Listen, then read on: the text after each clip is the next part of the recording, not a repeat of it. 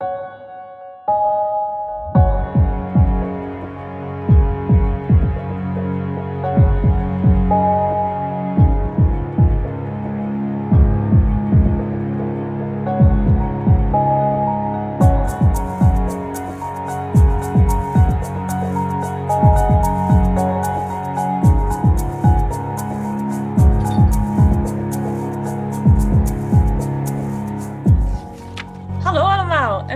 welkom bij een nieuwe aflevering van Radio Savannah, de podcast van Boekwinkel Savannah B. Ik ben Suzanne En ik ben Lola.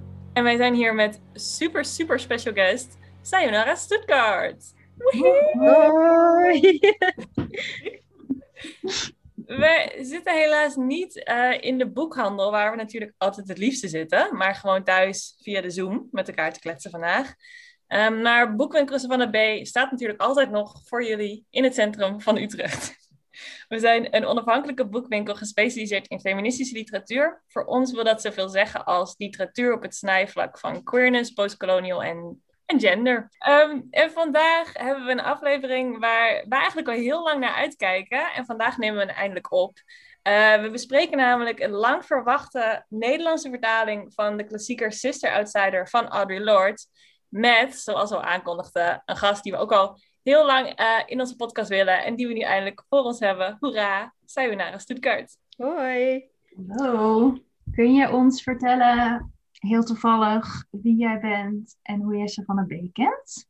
De backstory van deze relatie. Ik ben Sayonara Stuttgart, dichter, uitgever. Ik heb samen met Jaël van der Woude, Thalia Ostendorf en Lenneke de Ruiter uitgeverij Chaos opgericht. En wat doe ik nog meer? Freelance redactiewerk. En ik werk in een biep, samen met Lola. En ik ben een kind van Savannah B. Ehm, volgens mij ben ik daar begonnen in, even denken hoor, 2012. Ik deed de winkeldienst elke woensdagochtend eh, samen met Niels. Niels zit altijd de middag en dan bleef ik altijd heel erg lang hangen. En dat heb ik volgens mij twee jaar gedaan, maar ik ben er heel vaak nog steeds. Nog steeds ben kind er opgegroeid, huis. zeg maar. Ja. En klopt het dat er ook een linkje is tussen Savannah B en het idee van uitgeverij Chaos? Of heb ik dat verzonnen? ja, dat klopt. Ja, eh Chaos is daar geboren. Ik dacht dat het allemaal kindmetaforen Eh, ik hostte een avond over zwart feminisme. En Marieke Huisman die had een praatje over uitgeverij Sarah. Feministische uitgeverij uit de jaren 80, jaren 90 volgens mij zelf ook. En toen maakte ik het grapje, ha, misschien moeten we zelf een uitgeverij oprichten. En toen kwam, eh, twee dagen daarna was er Feminist Open Mic, ook in Savannah B. En toen kwamen Natalia en Jaël naar me toe van, ehm, wij willen ook heel graag een uitgeverij. Moeten we niet samen gaan brainstormen? En ik riep Lenneke erbij. Lenneke die was vroeger winkelmanager bij, eh, van Savannah. En die wilde ook heel graag meedoen. En zijn we gaan brainstormen op het kamertje van Jaël. Ja. En nu, nu hebben we chaos. En hebben we gehaald, ja. Gelukkig. Gelukkig. Waar al eh, een hele reeks super mooie, fijne, belangrijke publicaties uit. eh, ik wou ook nu gaan geboren gaan zeggen, maar dat is Ja. eh, uit voortgekomen zijn. Onder andere boek waar wij het onlangs in de podcast over gehad hebben van Emma van Meijeren. Ook ik ben stuk gewaaid. Mhm. En de nieuwste vertaling van A Room of One's Own van Virginia Woolf. Die, allereerste publicatie. Ja. Kamer voor jezelf. En vertaling van Hoe het voelt om van kleur te zijn. Mhm. Journey Hurston. Nix, de bundel. Ik voel me echt een fangirl nu. Dat ik het gewoon af, af kan ratelen. Mag ik nog iets zeggen over die avond, trouwens? Die avond heb ik ook Ma Mariam ontmoet van Dipsaus. Het komt allemaal bij elkaar. Ja, Ja. super vet. Het was een magische avond. En toen zei ze dat ze ook graag een uitgeverij wilde beginnen. En we hebben het daarna nooit meer over gehad. En nou, je kijken. Een paar jaar later. toch mooi een boek uitgegeven. Ja. Moeten we wat vertellen even over die publicatie, voordat we eh, erin duiken, over deze vertaling? Ja. Want eh, Sister Outsider, de origineel in het Engels, is verschenen in 1984.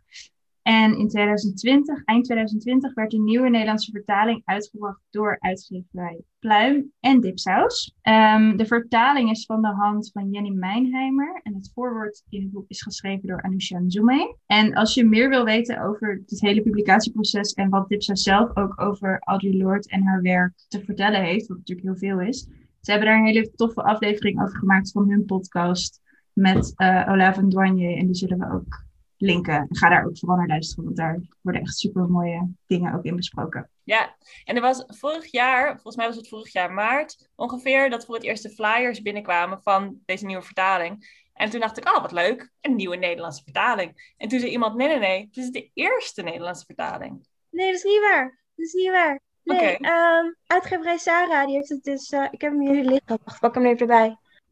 Oh, Uitgeverij Sarah, Oog in Oog heet die dan. Essays en Oh. lezingen. 1985, vertaald door Tilly Schel. Nou, want dat is dus wel de waanzin. Ik dacht dat Audre Lorde gewoon in alle talen en dus ook in het Nederlands gewoon vrij beschikbaar was. Het is zo'n klassieker, zou je zeggen. Mhm. Eh, dat dacht wij hebben toevallig waarschijnlijk altijd gewoon de Engelse vertaling in de, boek, in de, in de kast staan in de winkel, omdat mensen liever Engels lezen. Ehm, maar de Nederlandse vertaling was dus inderdaad helemaal niet meer beschikbaar. Dus het is echt een heel belangrijke vertaling ook even. Punt. Het is een heel belangrijke vertaling even. dus Audre Lorde is ehm, eh, zelf geïdentificeerd als Black Lesbian Mother Warrior Poet. En er komen soms nog verschillende andere eh epitaten bij. Ehm, geboren in New York met ouders uit het Caribisch gebied.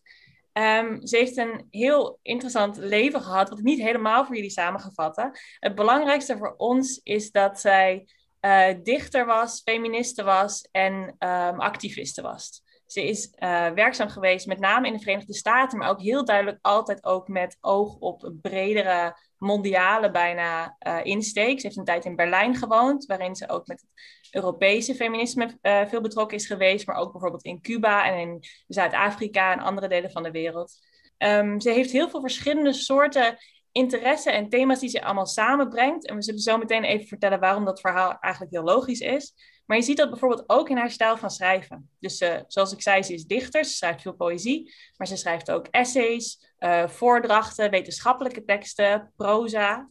Uh, de twee titels die wij in Savannah B bijvoorbeeld altijd voorhanden hebben, zijn Zami, of een nieuwe spelling van mijn naam, wat een beetje haar autobiografische roman is. Ik zal even de, de kort door de bocht de samenvatting van dat werk. en dus inderdaad Sister Outsider. Uh, 1984 voor het eerst gepubliceerd. En een bundeling van um, verschillende essays en voordrachten met, met snippets, poëzie tussendoor. Uh, nu dus ook in een Nederlandse vertaling beschikbaar.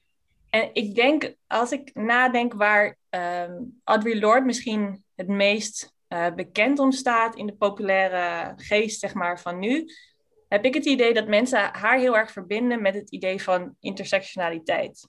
En dat is misschien een beetje kort door de bocht, maar ik heb het idee dat dat het nu het labeltje is dat op haar hoofd met name wordt geplakt. Is dat ook waar jullie haar een beetje van kennen, of misschien van iets heel anders? Ja, intersectionaliteit en activisme. Um, er is een quote: Your silence will not protect you. Dat zie je heel vaak voorbij komen. Ja, ja er is ook wel iets heel soort van quotables aan haar werk. Uh, ja. wat, wat soms natuurlijk heel mooi is, omdat zo'n quote als dit laat gelijk laat heel veel zien in heel weinig woorden. Het is soms ook een beetje het gevaar als je te quotable bent, met name in tijden van social media, dat je buiten de context uh, wordt geplaatst waarin je die quote uiteindelijk bedoelde. Dus dat is natuurlijk mooi helemaal dat we nu een misschien nog toegankelijkere omwand een Nederlandse versie hebben van dit werk, dat mensen ook kunnen gaan lezen. Waar komen die quotes eigenlijk vandaan? En wat ja. bedoelt Audre Lorde eigenlijk bijvoorbeeld met dat idee van your silence will not protect you? Er is ook een Instagram-account, die heet Poetry is not luxury, waar dus elke dag een gedicht wordt gedeeld. Wat leuk. En volgens mij hebben Joost Oma en Jentel van Stockholm een Nederlandse variant ervan gemaakt. Ja, dat is Poëzie is een daad. Ja. ja. Die zullen we ook linken. Die past ook nog even in het thema en we moeten allemaal meer poëzie lezen. Ja, dat, kan, dat kan gewoon terwijl je zit te scrollen. Ja. Sayonara, weet jij nog wanneer jij voor het eerst met haar werk in aanraking kwam, met haar ideeën? Was het ook bijvoorbeeld via Instagram feed of via het heel nee, anders? ik werd gewoon belaagd door Mariska volgens mij dat ik, dat ik iets moest lezen. Mariska of Niels. Misschien wel allebei tegelijk. Waarschijnlijk wel, gewoon van twee kanten. ja. En toen heb ik Sister Outsider gekocht en volgens mij ook heel, la- heel lang niet gelezen. Ja. Hoe kwam dat, denk je, dat je het zo'n tijd niet had gelezen? Ik was nooit echt van non-fictie, van essays. Dat, eh, dat ik nooit de rust voor, nooit het geduld ervoor. Ik denk ook wel, ik, bij mij duurde het ook heel lang voordat ik het in, in zijn geheel las. Even resume, eh, ik leerde Audre Lorde kennen eh, via mijn studie. Dus echt op de Mhm. universiteit dat we essays moesten lezen. En ondanks dat ik dus al essays had moeten lezen, had ik heel erg het gevoel dat dit een heel moeilijk boek zou zijn. Of heel Ja. ehm, ontoegankelijk. En dat er worden hele grote dingen in besproken. Dus wat dat betreft is, je leest het wat dat betreft niet makkelijk weg. Maar het is niet moeilijk geschreven. Het is niet Mhm.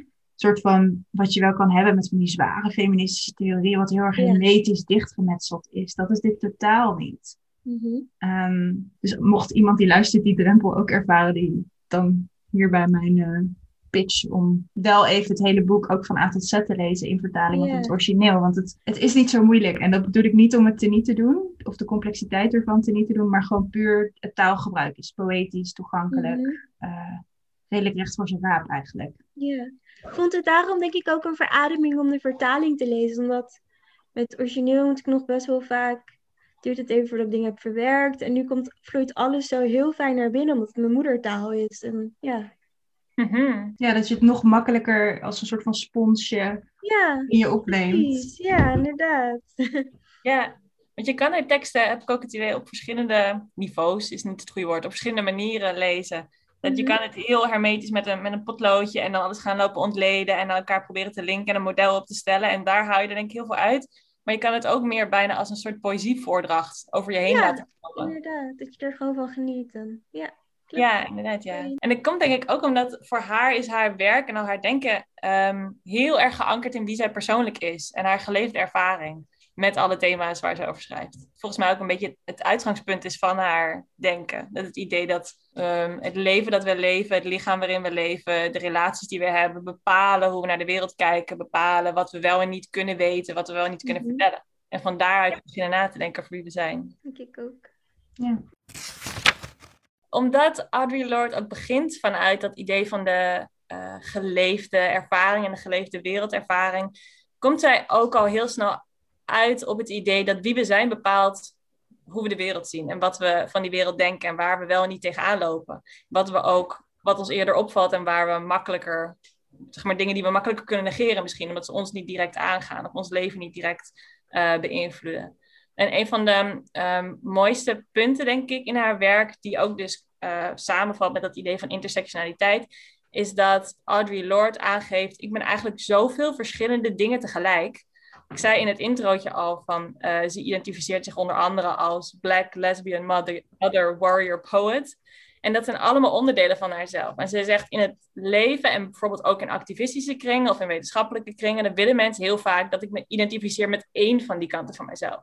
En ik merk dat dat gewoon niet gaat. Ik ben niet Mhm. alleen vrouw, ik ben niet alleen zwart, ik ben niet alleen lesbisch, ik ben niet alleen dichter, ik ben al die dingen tegelijk.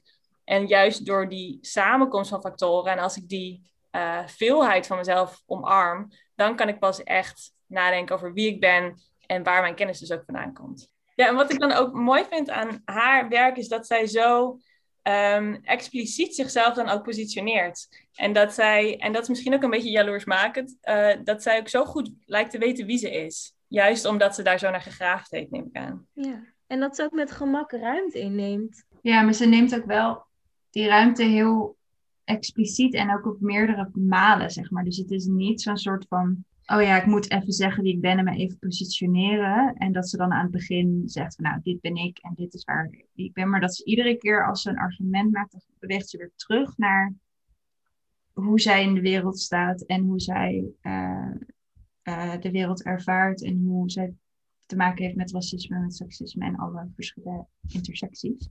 Ehm, Mhm. Om het woord maar weer even te gebruiken.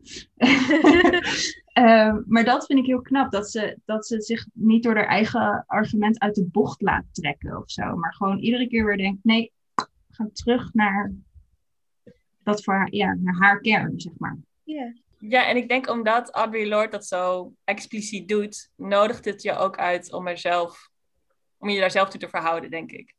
En dat is denk ik ook een van de redenen waarom ze nu weer zoveel gelezen wordt. Nou ja, ze is natuurlijk lang veel gelezen gebleven. Maar ook nu weer, omdat we als samenleving en daarbuiten ook bezig zijn met het ontmantelen van het idee van kleurenblindheid. En goh, we zijn eigenlijk allemaal hetzelfde. En laten we nou niet te veel zitten op wie heeft welke kleur huid en wie is man en vrouw of daartussenin. Maar laten we allemaal focussen op wat ons verbindt. Dat het zo nuttig is om Audre Lorde dan te hebben, die ons aan kan wijzen waarom het zo belangrijk is om die verschillen niet te negeren, maar misschien juist wel als, daarmee te beginnen. En vanuit dat moment van verschil na te denken over hoe we ons tot elkaar verhouden. En dat is best wel, ehm, en soms voelt het een beetje uh, tegen, of hoe je dat, contra-intuïtief. Is dat een woord? Sure. nu wel? Nu is het een woord. Yeah. Ik, uh, ik uh, positioneer het gewoon. nee, soms het gaat soms in tegen bepaalde ideeën over hoe we harmonieus kunnen samenleven. Waar ik denk, tenminste waar ik heel erg mee op ben gegroeid. Uh, om mezelf te positioneren, misschien als witte Nederlandse vrouw. Het idee van, uh, je moet niet te veel nadenken over dat je wit bent. Um, want dan ga je mensen die niet wit zijn misschien anders behandelen. En het, dit is natuurlijk eigenlijk de tegenovergestelde strategie. Die uh, misschien wat omdenken vereist. Ja, maar ja, als zwarte vrouw kan ze natuurlijk ook niet ontkennen dat ze zwart is. Ik denk dat dat een groot verschil is, want ze wordt daar continu mee geconfronteerd. Ja, mee eens. En dat is denk ik ook de, de spanning die heel erg door het boek loopt, merk je ook. En dat is een deel van haar werkzame leven ook geweest, omdat zij voor een groot deel ook werkzaam was binnen een witte feministische beweging, mm-hmm. die eigenlijk wilde negeren dat witheid een deel was van het soort feminisme wat zij voorstonden. En dat ja. Audre Lorde natuurlijk heeft aangewezen dat dat is een vorm van privilege, dat je dat kan negeren. En uiteindelijk zorgt het voor een heel beperkte blik op de vrouwelijke ervaring. Een van de punten die ze maakt in, die, ze, die Audre Lorde maakt in het essay uh, Oog in Oog, wat in het Engels Uses of Anger heet, is dat ze ook zegt van, ik, ik ben niet vrij als andere vrouwen nog vrij zijn. En dat is wat, of als andere vrouwen onvrij zijn. En dat is natuurlijk wat witte vrouwen uh, zich lang niet altijd historisch en nog steeds niet realiseren. Um, en zij schrijft dat hier heel puntig op van oké, we kunnen allemaal verschillende uh, ervaringen hebben met seksisme, racisme, met, met patriarchaat en alles, uh, al het geweld wat het in zich draagt. Maar uiteindelijk moeten we toewerken naar vrijheid voor iedereen. Dus zij zegt dan, ik ben niet vrij, terwijl als andere vrouwen onvrij zijn, ongeacht onze lichamen en ervaringen. En dan spreekt ze ook direct de lezer aan, van jij dus ook niet. Dus jij, mm -hmm. die dit leest, die misschien denkt, oh, ik lees dit en dit gaat niet over mij, dit gaat ook over jou. En dat doet ze heel vaak een soort van retorisch ook de lezer aanspreken en zeggen, ja. ga jij hier in jouw positie, hoe die er ook uitziet, ook maar even heel goed over nadenken. En omdat ze zo goed gaan schrijven, kan schrijven, doen we dat dan ook. maar uh, Sarah, jij zei dat je heel erg onder de indruk was van dit essay. Ja, omdat het heel erg gaat over zwarte vrouwen onderling. En um, dat ze elkaar uh, de boosheid onderling. Mm. Uh, naar de wereld, naar elkaar toe. En dat heb ik ook een tijdje gehad. Dat je gewoon, als je een ander zwart meisje op straat tegenkwam, dat je er gewoon een beetje de stink-eye gaf. Ik heb me dat zelf echt moeten aanleren. Dat ik naar een zwarte vrouw glimlach en complimentjes geef. En het is echt iets heel raars. En ze legt dat heel mooi uit waar dat vandaan komt. Hier staat het. We zitten vol razernij. Tegenover onszelf, tegenover elkaar. En we zijn te bang om het te onderzoeken. Want dan zouden, ze, zouden we wel eens over onszelf kunnen ontdekken. Vet gedrukt, aangewezen en benoemd wat we zelf altijd hebben gevoeld. En waar we soms zelf de voorkeur aan hebben gegeven dat we alleen zijn. En ze zegt op een gegeven moment ook dat, die, dat je die woede kan koppelen aan gekwetst. En niet gekwetst willen worden.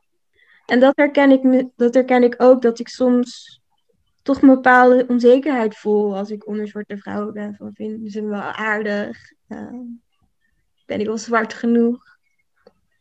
Ook al weet dat dat niet zo is, dat zit er zo diep in. Ja, en daar geeft ze dan woorden aan, aan dit essay. Ja, ja. Precies. Had je ook het gevoel dat er een soort kwartje viel? Of misschien een kwartje wat al eerder was gevallen, maar wat nog weer een keer viel? Ja, viel nog een keer. Dat, dat denk ik, ja. Ik had een quote uit de intro nog van Anousha. Wacht maar, dan moet ik even Hier, Audre Lorde geeft geen verzachting voor de pijn die, ver- die, weer, die verbonden is aan zwart zijn, aan bruin zijn, aan vrouw zijn, aan queer zijn, aan ziek zijn, aan jong zijn en oud zijn. Wat ze wel geeft zijn woorden om de pijn te analyseren en te begrijpen. Wat ze ook geeft is intellectueel gereedschap om aan pijn te werken. Dat?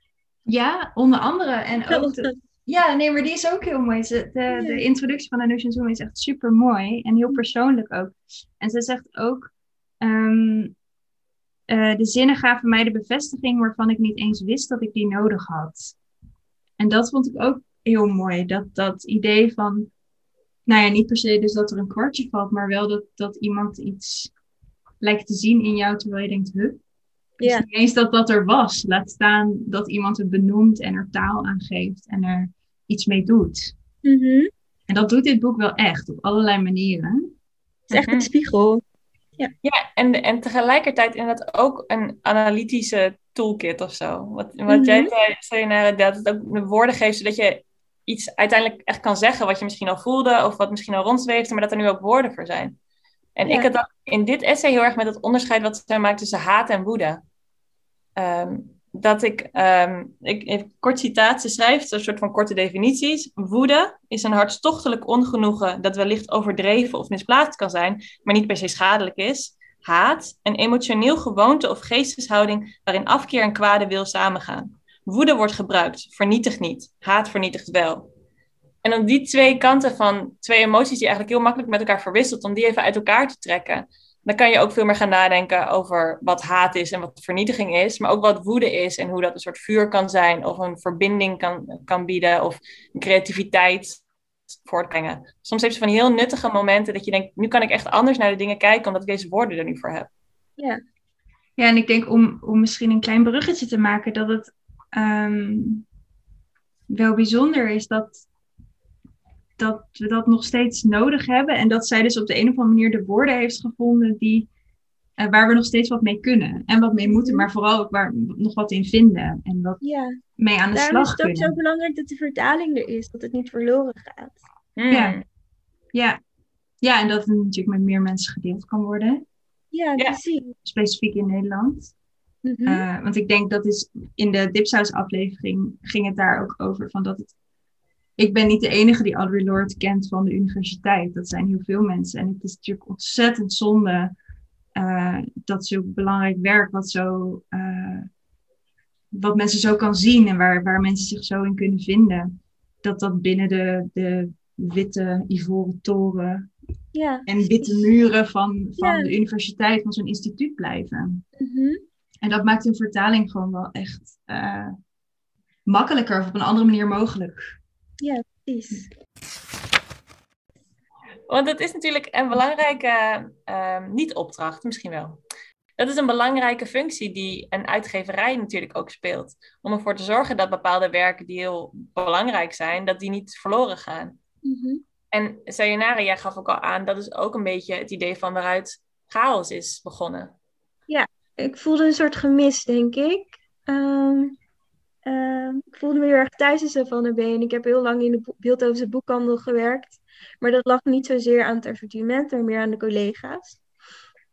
En wat er vooral veel op tafel lag, Ike die heeft eh, volgens mij heel, heel erg veel naar me geluisterd. Tot de laatste keer dat ik er was, is, dat echt wel veranderd. Maar er lag vooral oude witte mannen die schreven over hun moeder. En ik was daar gewoon zo klaar mee dat ik als ik iets anders wilde, dat ik dan naar, naar Spannen moest of zelf dingen moest bestellen. En dan waren het va- vaak Engelstalige, Engelstalige eh, titels.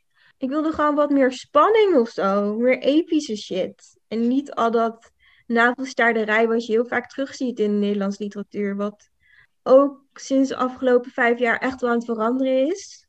Maar toen in 2016, 2017 was dat gewoon niet. Dat is gewoon echt saai. Ja.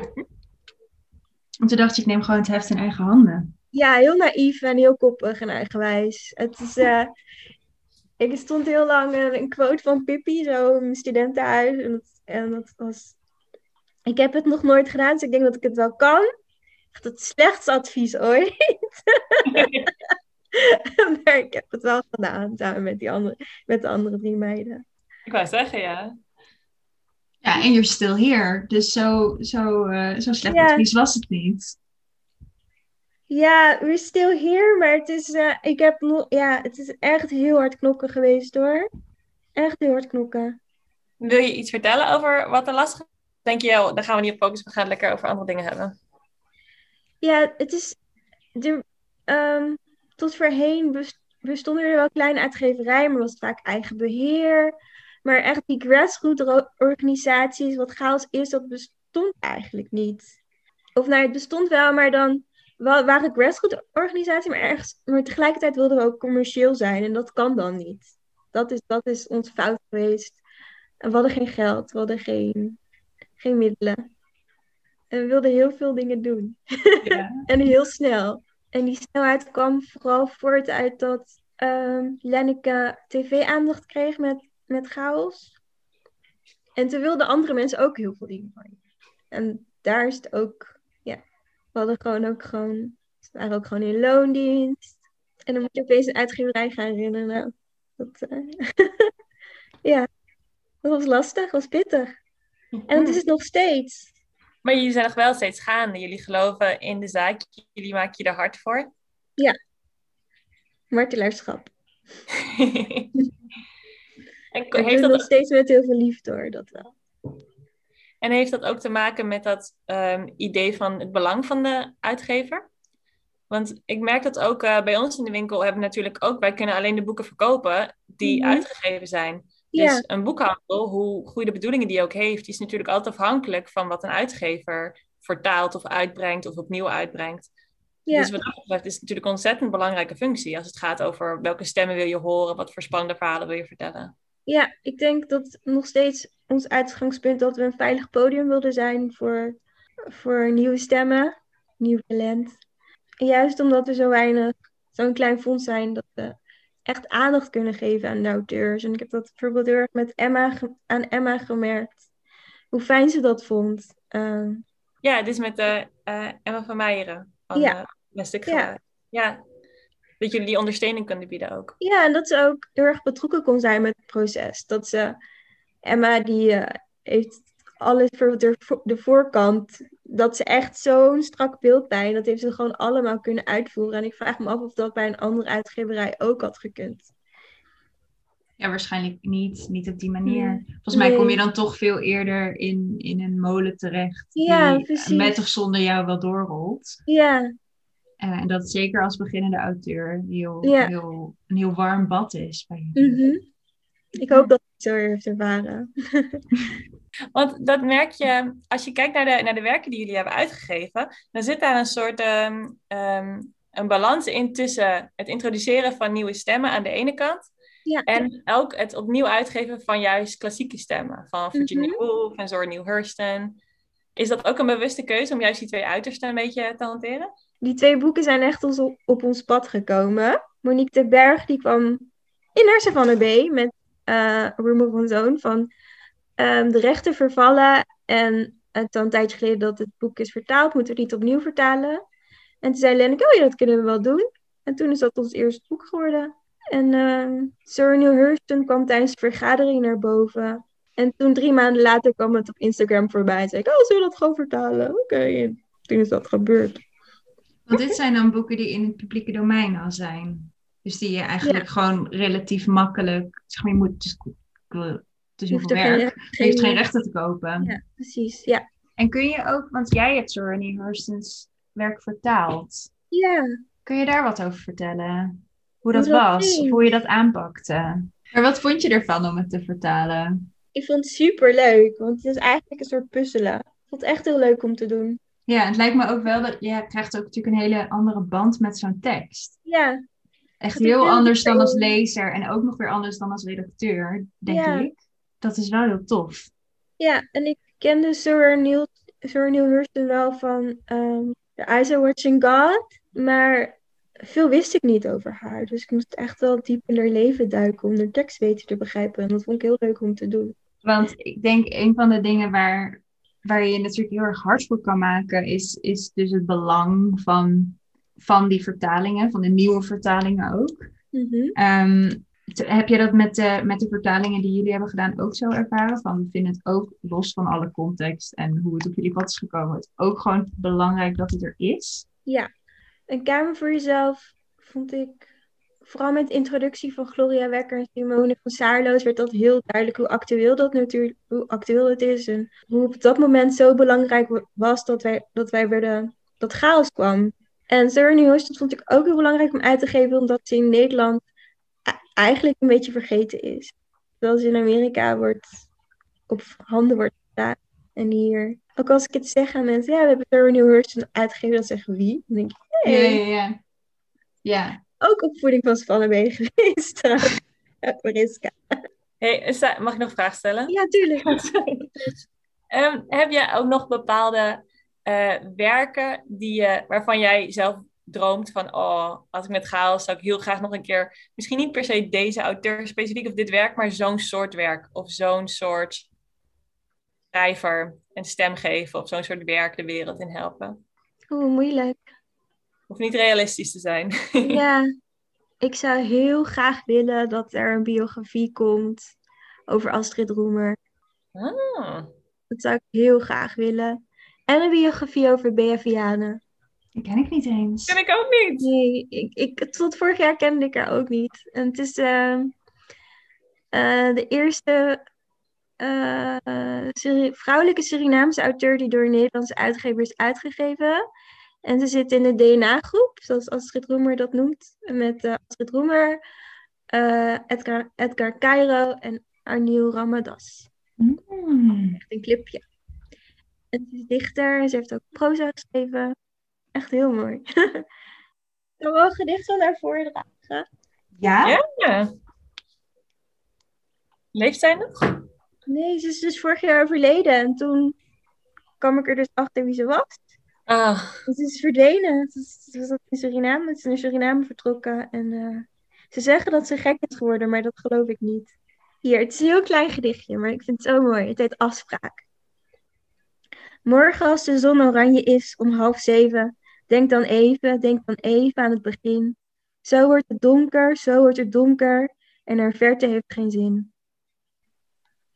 Oh, mooi. Dat zou heel lief. Is haar werk nog beschikbaar? Bestelbaar? Uh, misschien, bij, uh, in, misschien bij de knipschaar. Maar, zal ik even kijken. Dus lijkt me daar een schone taak liggen. Van, ik wou zeggen. Voor, voor iets of iemand. nee, maar alle rechten liggen nog wel bij. Ik denk dat alle rechten nog wel bij uh, in het knipscheer, hoe heet die uitgeverij? Dus zo'n uitgeverij die uh, alleen maar krimische literatuur uitgeeft. In de knipscheer heet het. Kleurrijkste uitgever van Nederland. En voor opener. Pauze. Nou, ze beweren dus de kleurrijkste uitgeverij van Nederland te zijn. Mag je raden wie het runt? Oh nee. wie runt het? Een witte middelbare man. Oh. Maar aan de ene kant ben ik er heel sceptisch over. Maar aan de andere kant heeft hij wel Astrid Roemer uitgegeven. Beatriane. Ja. Veel mensen zijn wel bij hem begonnen. Dus dat... Ja, zijn, zijn geld waarschijnlijk en positie ingezet om anderen verder te helpen. Ja, precies. Eigenlijk ook wat chaos doet. dus ja. misschien praat het over 30 jaar ook over mij. Zo, 40 jaar. Maar dus als er een, uh, iemand komt met een enorme dikke vette donatie en dan zegt ze hier chaos, dit is voor jullie. Dan zeg jij oké, okay, is goed. Dan ga ik iemand een opdracht geven om een, om een Astrid Roemer biografie. Ja, als ze dat wil. Ja, oké. Okay. Fair enough. Zie ik wil gewoon nee zeggen. Nee, dat vragen we dan eerst even. Dat doen we Ja. eerst. Ja, zij luistert natuurlijk naar onze podcast, dus zij heeft het nu allemaal gehoord. En dan, ik kan eh, het zo naar haar sturen. We zijn in contact. Ja, en dan zegt ze, dit wil ik heel graag. Let's do it. Ja, Dan geef jij het uit. dan geef ik het met liefde uit. Oh, wat een droom. Ja, wij dachten nog om af te sluiten. Mhm. ehm, wilden we aan jou vragen wat jouw favoriete essay was. Of waar je dit keer met deze lezing misschien het meest uit hebt gehaald. Mhm. En of je nog een stukje voor wil lezen. Ehm, poëzie is geen luxe artikel. Ehm, want ik nu bij eh, de Writers Guide in Rotterdam geef ik de cursus There are more beautiful things than eindrijm over feministische poëzie. En ik dacht, oh, dit kan ik gebruiken, dat kan ik gebruiken. Leuk. Echt leuk, je gaat gewoon met Lord in je zak dan lekker de cursus geven. Ja, ik had, het, ik had het eerste essay gebruikt, maar dit past er veel beter bij. Oké. Op dit moment geloof ik dat wij vrouwen van binnen over de kracht beschikken om deze twee benaderwijzen te doen samensmelten. En in onze poëzie komen we dichtst bij deze combinatie in de buurt. Ik spreek hier over poëzie als een onthullend destillaat van ervaringen, niet over het steriele woordenspel waarmee de witte vaders te vaak de betekenis van het woord poëzie geweld hebben aangedaan. Om een hopeloos verlangen naar verbeelding zonder inzicht te verhullen. Voor vrouwen is poëzie dus geen luxe artikel. Ze is voor ons, het is voor ons bestaan van levensbelang. Ze vormt de kwaliteit van het licht waarin we de dingen aanduiden die we hopen en dromen voor overleving en verandering, door er eerst taal van te maken, dan idee, dan tastbare actie. Poëzie is de wijze waarop we helpen het naamloze naam te geven, zodat het kan worden bedacht, gedacht. Mooi. Ja. Wat mij ook telkens opvalt bij, bij Audre Lorde als jij leest, het resoneert zoveel met heel veel discussies die we nu hebben, maar ook heel veel boeken bijvoorbeeld die ik na het lezen ben. Ik had Audre Lorde toen het vorig jaar uitkwam weer opnieuw gelezen en sindsdien bijna bij elk boek wat ik lees, denk ik van, oh ja, net als Audre Lorde die zei, Ja. En we hadden toevallig vorige week maakten we een podcast over een boek Unconnection van Kate Tempest. En dat boek gaat heel erg over hoe we eh, met elkaar in verbinding komen, hoe we een connectie kunnen maken met andere mensen via creativiteit. En voor hen is dat dus heel erg via poëzie. En als ik dat dan lees, denk ik, oh ja, poëzie is een eerste liefdesbehoefte. En poëzie is niet zozeer wat je op school leert over Kropje Sla van Rutger Kopland. Maar het is heel erg de, dat moment van verwondering en dat moment van eh, de woorden zoeken die bij de ervaring passen. Komen voor kropje sla, dat ik daar wel echt heel veel van heb geleerd. Dat alles poëzie maar kan zijn. Ook belangrijk. Dat vond ik heel fijn om te leren toen. Maar ja, het is echt een, eh, een stem die resoneert met zoveel van de verschillende manieren waarop we het leven ervaren en de zaken waar we tegenaan lopen en die we proberen te Mhm. duiden. Ja, super blij dat dit boek er is. Ja, ik ook. Dankjewel, van dames van Dipsaus. Ja, ja.